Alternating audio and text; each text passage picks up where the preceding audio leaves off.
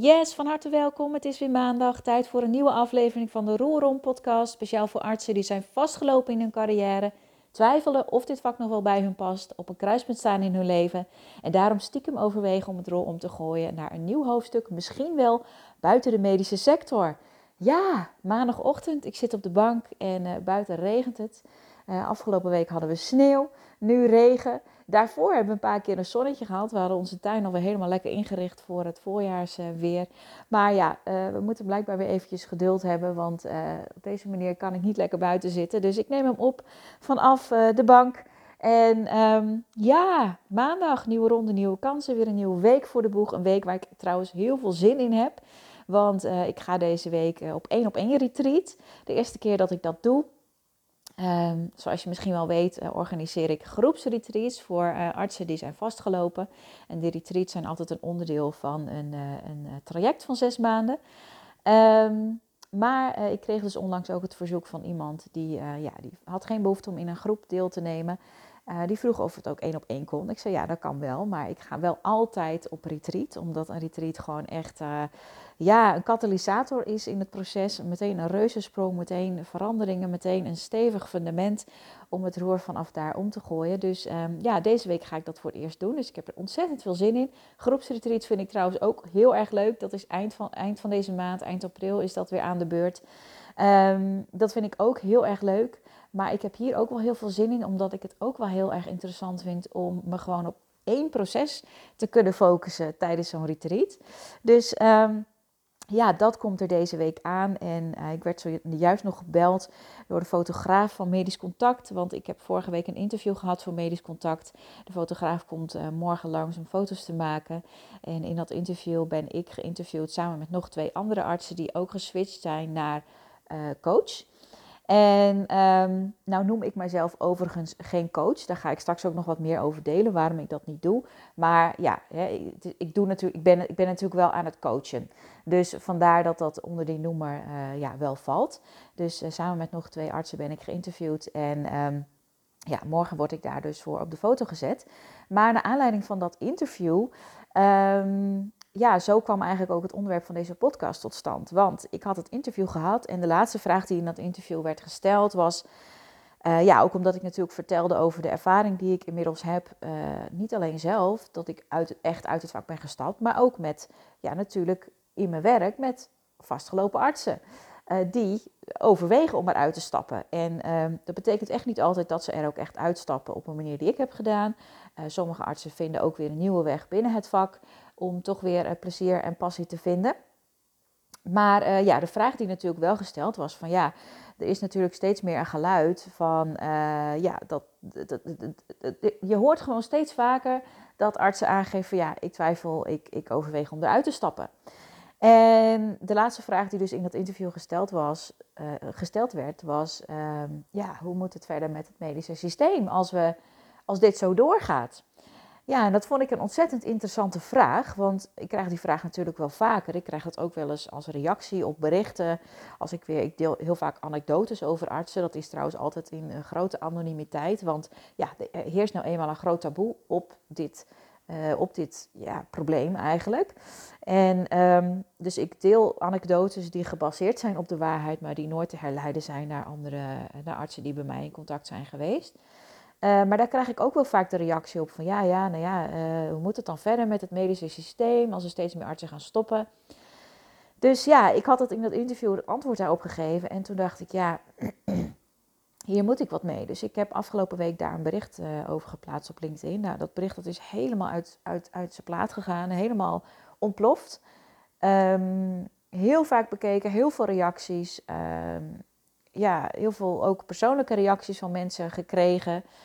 Dus dat, dat deed een heleboel stof opwaaien. Dat maakte een heleboel los. En um, ja, dat, dat, dat had ik eigenlijk niet verwacht. Wat ik eigenlijk in dat bericht gezegd heb, is ja, natuurlijk is het zo dat um, leegloop, hè, naderende leegloop, zo lijkt het, dat dat terug te, dat je dat terug kan leiden naar een systeem wat misschien niet meer past bij de huidige tijd.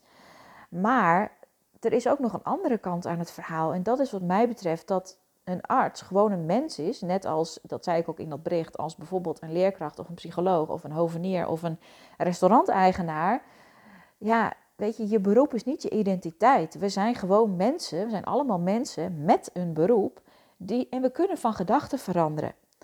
En ik riep in dat bericht dus ook op om, om dat wat meer te normaliseren, want als een arts ook maar een heel klein piepje of een kikje geeft van ja, ik heb twijfels en ik wil misschien wel stoppen, dan vallen we daar massaal overheen van dat kan niet en we mogen geen artsen verliezen en het ligt aan het systeem. We moeten zorgen dat artsen beter kunnen omgaan met de omstandigheden en ja, als een soort van leeuwen springen we op die mensen om er maar voor te zorgen dat ze in dat vak blijven.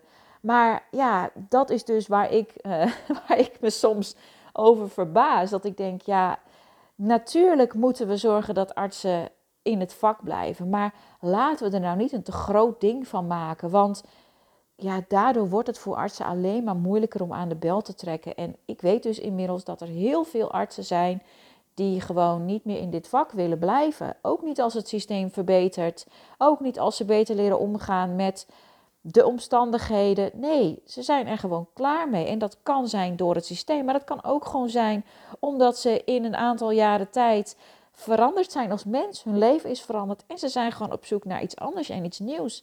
En ja, ik vind dus gewoon dat daar veel meer ruimte voor zou moeten komen.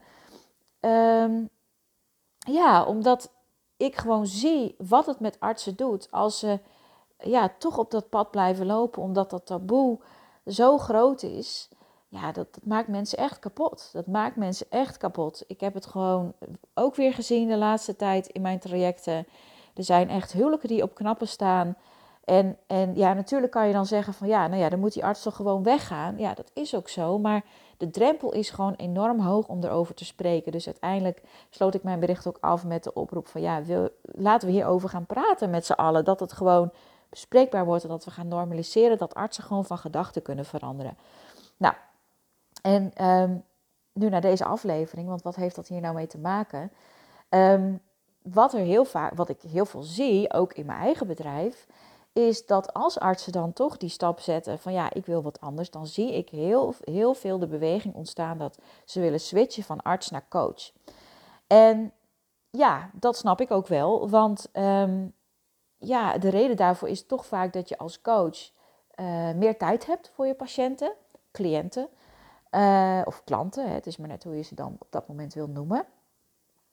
Um, ja, en ook omdat je dan vaak gewoon veel meer regie hebt over je werkdagen. En toch nog een stukje passie kan uitoefenen. Wat eigenlijk bij elke arts er wel in zit. Dat is namelijk het helpen van mensen. Hè. Dat geldt voor mij ook. Ik ben natuurlijk helemaal uit het artsenvak gestapt. Ik ga er ook nooit meer in terug.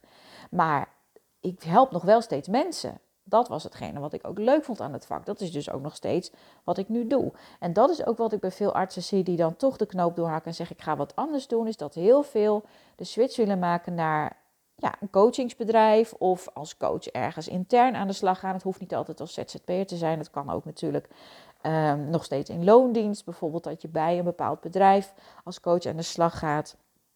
Dus um, en de vraag die ik daar dan weer heel vaak over krijg, en dat is waar deze aflevering over gaat, dat is dus: wat voor opleiding kan je nou het beste doen om ja, een coach te worden? En de vraag die ik ook vaak krijg is: ja, wat voor opleiding heb jij dan gedaan? En ook is die soms wel eens een tikje anders nog de vraag. Dan is de vraag: heb jij eigenlijk wel een opleiding gedaan om dit werk te doen? En ja, dat laatste, daar zit voor veel mensen de overtuiging achter dat als je artsen helpt om het roer om te gooien, dat dat een heel specialistische taak is, dat je daar een goede opleiding voor moet hebben gedaan, et cetera, et cetera. Nou, in deze aflevering, we hebben een lang intro, sorry daarvoor, we zijn alweer negen minuten verder, maar in deze aflevering ga ik dus met je delen wat mijn visie daarop is. Dus of ik nou vind of je wel of niet een opleiding nodig hebt.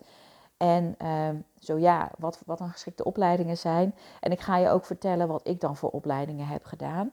Uh, omdat ik ook best wel veel reacties krijg van mensen die zeggen: Ja, ik wil iets soortgelijks doen als jij. Ik wil ook medici gaan helpen. Soms zijn, kan ook zijn verpleegkundige of nou, noem het maar op.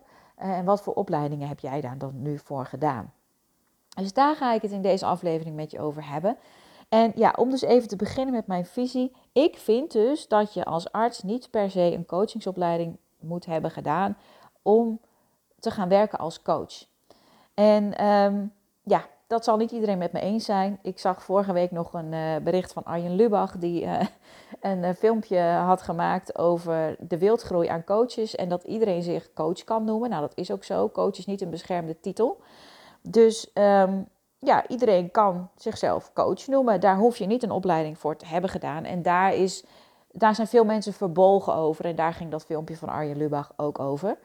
En ja, dat vind ik enigszins, enerzijds vind ik dat ook wel hoor. Dat het natuurlijk van het zotte is dat iedereen zichzelf maar coach kan noemen.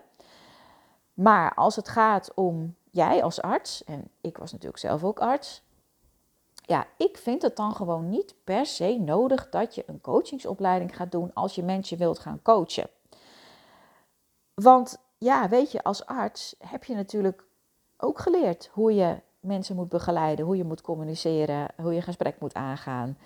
Dus ja, ik vind het niet per se een vereiste om, om jezelf, ja, eh, om, om, te, om te gaan werken als coach. Ik vind dat gewoon niet per se nodig. Natuurlijk is het wel zo dat als jij een hele specifieke methode wilt gebruiken om je werk als coach uit te oefenen, ja, dan, dan zal je daarvoor een speciale opleiding moeten doen.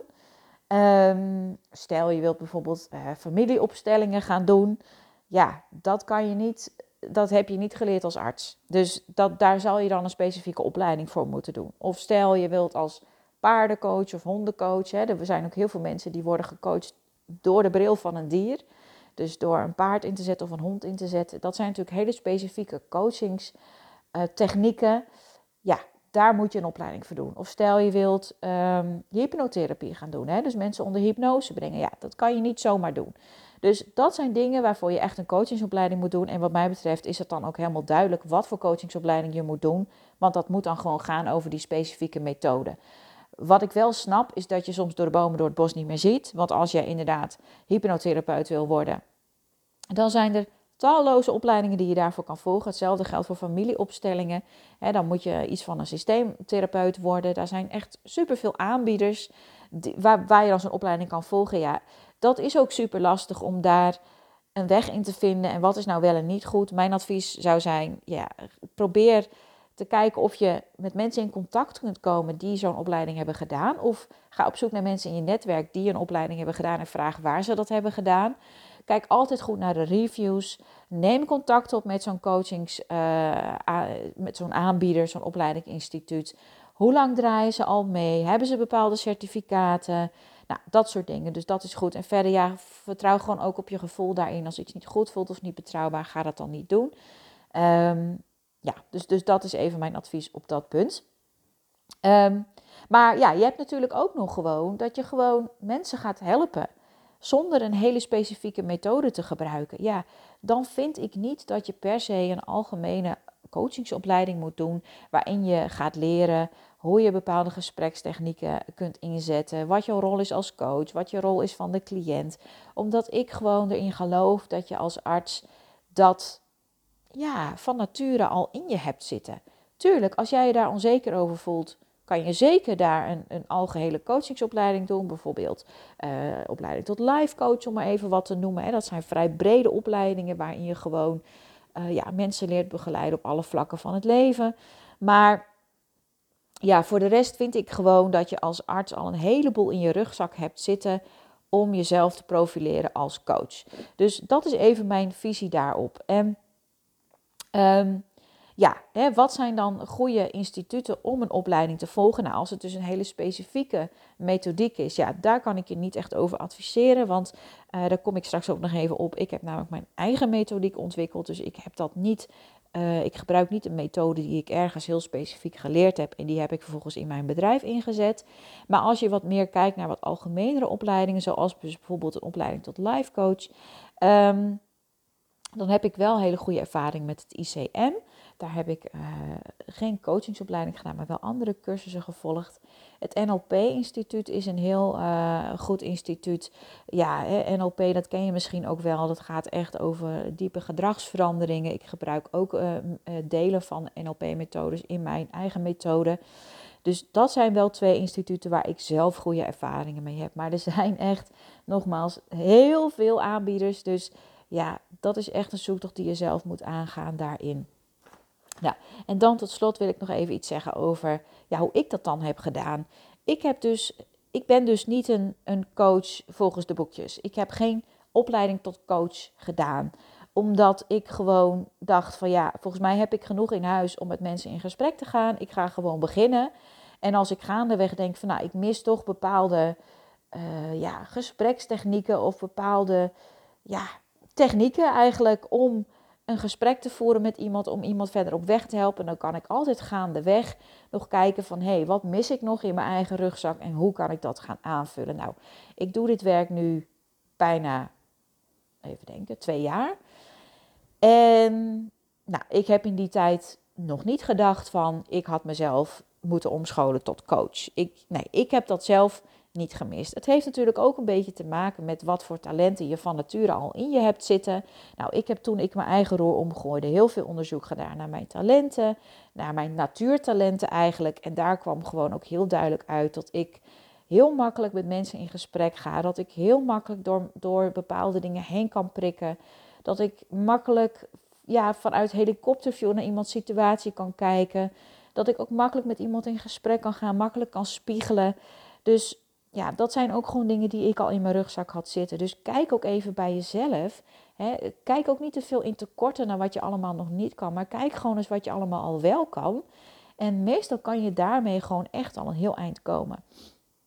Nou, en dan kom je natuurlijk op het punt, ja, dan ben ik dus geen erkende coach. Dus mag ik dan dit werk wat ik nu doe eigenlijk wel doen? Nou ja, omdat ik dus geen, geen officiële coachopleiding heb gedaan, noem ik mijzelf dus ook geen coach. Want ik heb er inderdaad wel een beetje moeite mee dat Jan en Alleman zich maar coach kan noemen zonder daar echt voor opgeleid te zijn. Dus ik heb er ook voor gekozen om mijzelf geen coach te noemen. In mijn, op mijn website ook, staat ook bijna nooit coaching of coachingstraject of wat dan ook. Ik spreek eigenlijk altijd over begeleiding uh, of dat ik jouw mentor ben. Um, en de titel, de, de functietitel die ik mezelf gegeven heb, is Roorom-expert. Dat heb ik zelf bedacht. Dat is niet een beschermde titel. Volgens mij is er ook niemand in Nederland die zich zo noemt. Dat heb ik gewoon, ja, dat vond ik gewoon goed klinken en passen bij wat ik doe. En um, ja, daarmee omzeil ik eigenlijk het probleem dat ik mezelf coach noem, terwijl ik dat niet, ja, niet een erkende opleiding heb gedaan. Dus zo heb ik dat zelf opgelost. En nogmaals, ik ben dus gewoon begonnen. Helemaal aan het begin ben ik gewoon begonnen met mensen gratis hulp aan te bieden uit mijn eigen netwerk. Waarbij ik dacht, hé, hey, jij bent een beetje vastgelopen in je werk. Dat waren in het begin ook nog geen artsen. Jij bent misschien, jij, ik zie dat je bent vastgelopen in mijn werk. Dat was gewoon in mijn eigen familie in het begin. Kunnen, zullen wij daar eens een keer een aantal keer over spreken? En toen ben ik gewoon op de coachingstoel gaan zitten tussen aanhalingstekens. En um, toen ben ik gewoon gaan kijken hoe ver kan ik komen. En toen merkte ik van ja, ik kan mensen gewoon zo ontzettend goed helpen. En um, ja, toen is dat eigenlijk langzaam ook dat vertrouwen gegroeid van ja, ik heb al genoeg in mijn rugzak om dit, om dit te doen. En um, ja, om dan nog eventjes af te sluiten met hè, hoe ben ik dan uiteindelijk toch tot een methode gekomen. Want ja, ik heb natuurlijk wel een methode, de Roer Echt Om methode. Die heb ik zelf ontwikkeld om, ja, die, die gebruik ik gewoon in, in mijn trajecten. Nou, die is eigenlijk um, samengesteld uit een heleboel verschillende ja, cursussen, opleidingen, boeken. Ik heb ook heel veel gebruik gemaakt van boeken. Uh, dingen die ik zelf heb meegemaakt. Er zit ook gewoon veel levenservaring in. Er zit ook uh, stukken uit therapieën in die ik zelf heb gevolgd. Maar ook gewoon uit verschillende erkende methodes. En dat heb ik eigenlijk allemaal bij elkaar geplakt. En ja, dat moet bij je passen. Het past heel goed bij mij, omdat ik gewoon ook iemand ben die niet graag ja, volgens het gebaande pad gaat. Ik vind het niet fijn om een bepaalde methode aan te leren en dat dan één op één naar mijn eigen, op mijn eigen bedrijf en op mijn eigen uh, klanten te plakken. Dat, dat voelt voor mij niet goed. Ik ben dan misschien ook een beetje eigenwijs. Ik, ik zie dan, ik, wat, wat bij mij gewoon gebeurt is, dan lees ik weer iets of ik volg ergens een training en dan denk ik, oh ja, dit is interessant, maar ja, ik, ik denk er net iets anders over. Dus ja, ik denk er net iets anders over dan hoe jullie het nu vertellen. Dus ik pluk er de dingen uit die, ik, die voor mij kloppend zijn en waar ik mee kan werken. En dat voeg ik dan weer in mijn eigen methode. Nou, om even een aantal dingen te noemen die ik gedaan heb. Uh, Tony Robbins, Michael Pilarczyk, Eckhart Tolle, Esther Hicks, Els van Stijn, Dr. Juriaan. Dat zijn allemaal mensen waar ik of een boek van heb gelezen, of een training van heb gevolgd, of een opleiding heb gedaan. Um, en dat, dat zijn gewoon ja, wel wat grotere namen hier in Nederland die veel weten over ja, het roer omgooien of elementen die te maken hebben met het roer omgooien. En ja, daar ben ik gewoon mij in gaan verdiepen van wat hebben die mensen gedaan, wat vertellen die mensen daarover. En bij elk, bij elk element heb ik gewoon de dingen eruit gepakt dat ik dacht van ja, dit, dit vind ik nuttig, hier ben ik het mee eens en hier kan ik wat mee. En dat heb ik uiteindelijk allemaal in mijn eigen methode gestopt. En hoe ik het nu doe, die methode die staat nu. En in de tussentijd ben ik natuurlijk, want ja, mijn werk is mijn passie, dat weet je inmiddels misschien ook wel. En hoe ik het nu gewoon doe, is dat ik, um, ik probeer altijd tijd te maken naast mijn vaste werkzaamheden om mezelf ook te blijven ontwikkelen. En um, iedere keer als ik dan weer, soms dan heb ik bijvoorbeeld weer een training gedaan of een boek gelezen dat ik denk van, nou ja, dit wist ik al. Dan is het een bevestiging van dat mijn methode nog steeds staat en dat het kloppend is. En soms kom ik iets tegen dat er toch weer een nieuw inzicht is of weer ja, een extra toevoeging. En dan, ja, dan voeg ik het gewoon toe aan mijn methode. Dan breid ik het weer verder uit. En dat maakt ook dat mijn methode in de afgelopen jaren ook steeds weer verbeterd is. Ook ja, dat het gewoon ook beter aanslaat, dat het beter werkt. En uh, ja, dus dat is eigenlijk hoe ik het doe. Dus even kort samengevat, ik heb geen opleiding tot coach gedaan. Ik noem mezelf daarom ook geen coach. En ik vind het tot op heden ook niet nodig om een coachingsopleiding te doen. Daarnaast heb ik ook niet een speciale opleiding gedaan om een bepaalde methode tot me te nemen, die ik vervolgens nu gebruik om artsen te coachen. Ik heb een eigen methode vastgesteld, samengesteld aan de hand van eigenlijk de beste elementen van 10 jaar ja, onderzoek en investeringen op dit gebied. En daar heb ik elke keer de beste, daar heb ik uiteindelijk de beste elementen uitgeplukt en in een methode gegoten. En die methode blijft aan uh, uh, verandering onderhevig, omdat ik er steeds weer dingen aan toevoeg en soms ook dingen uithaal uh, om het gewoon nog beter te maken. Dus dat is hoe ik het heb aangepakt. En ja, ik heb dus wel goede ervaring met ICM en het NLP-instituut. Maar als je dus echt uh, voor algemene coachingsopleidingen, als je echt specifieke dingen wilt uh, leren, ja, ga dan ook gewoon heel specifiek daarnaar op zoek. En ja, luister ook naar je gevoel. Hè? Als iets niet goed voelt, als je denkt, nou, ik weet niet wat dit voor opleiding is, ik vertrouw het niet, ga daar dan ook geen geld in investeren, want het zijn vaak dure opleidingen. Dus volg je gevoel of, of zoek mensen op die je kent, uh, die misschien ook iets soortgelijks hebben gedaan.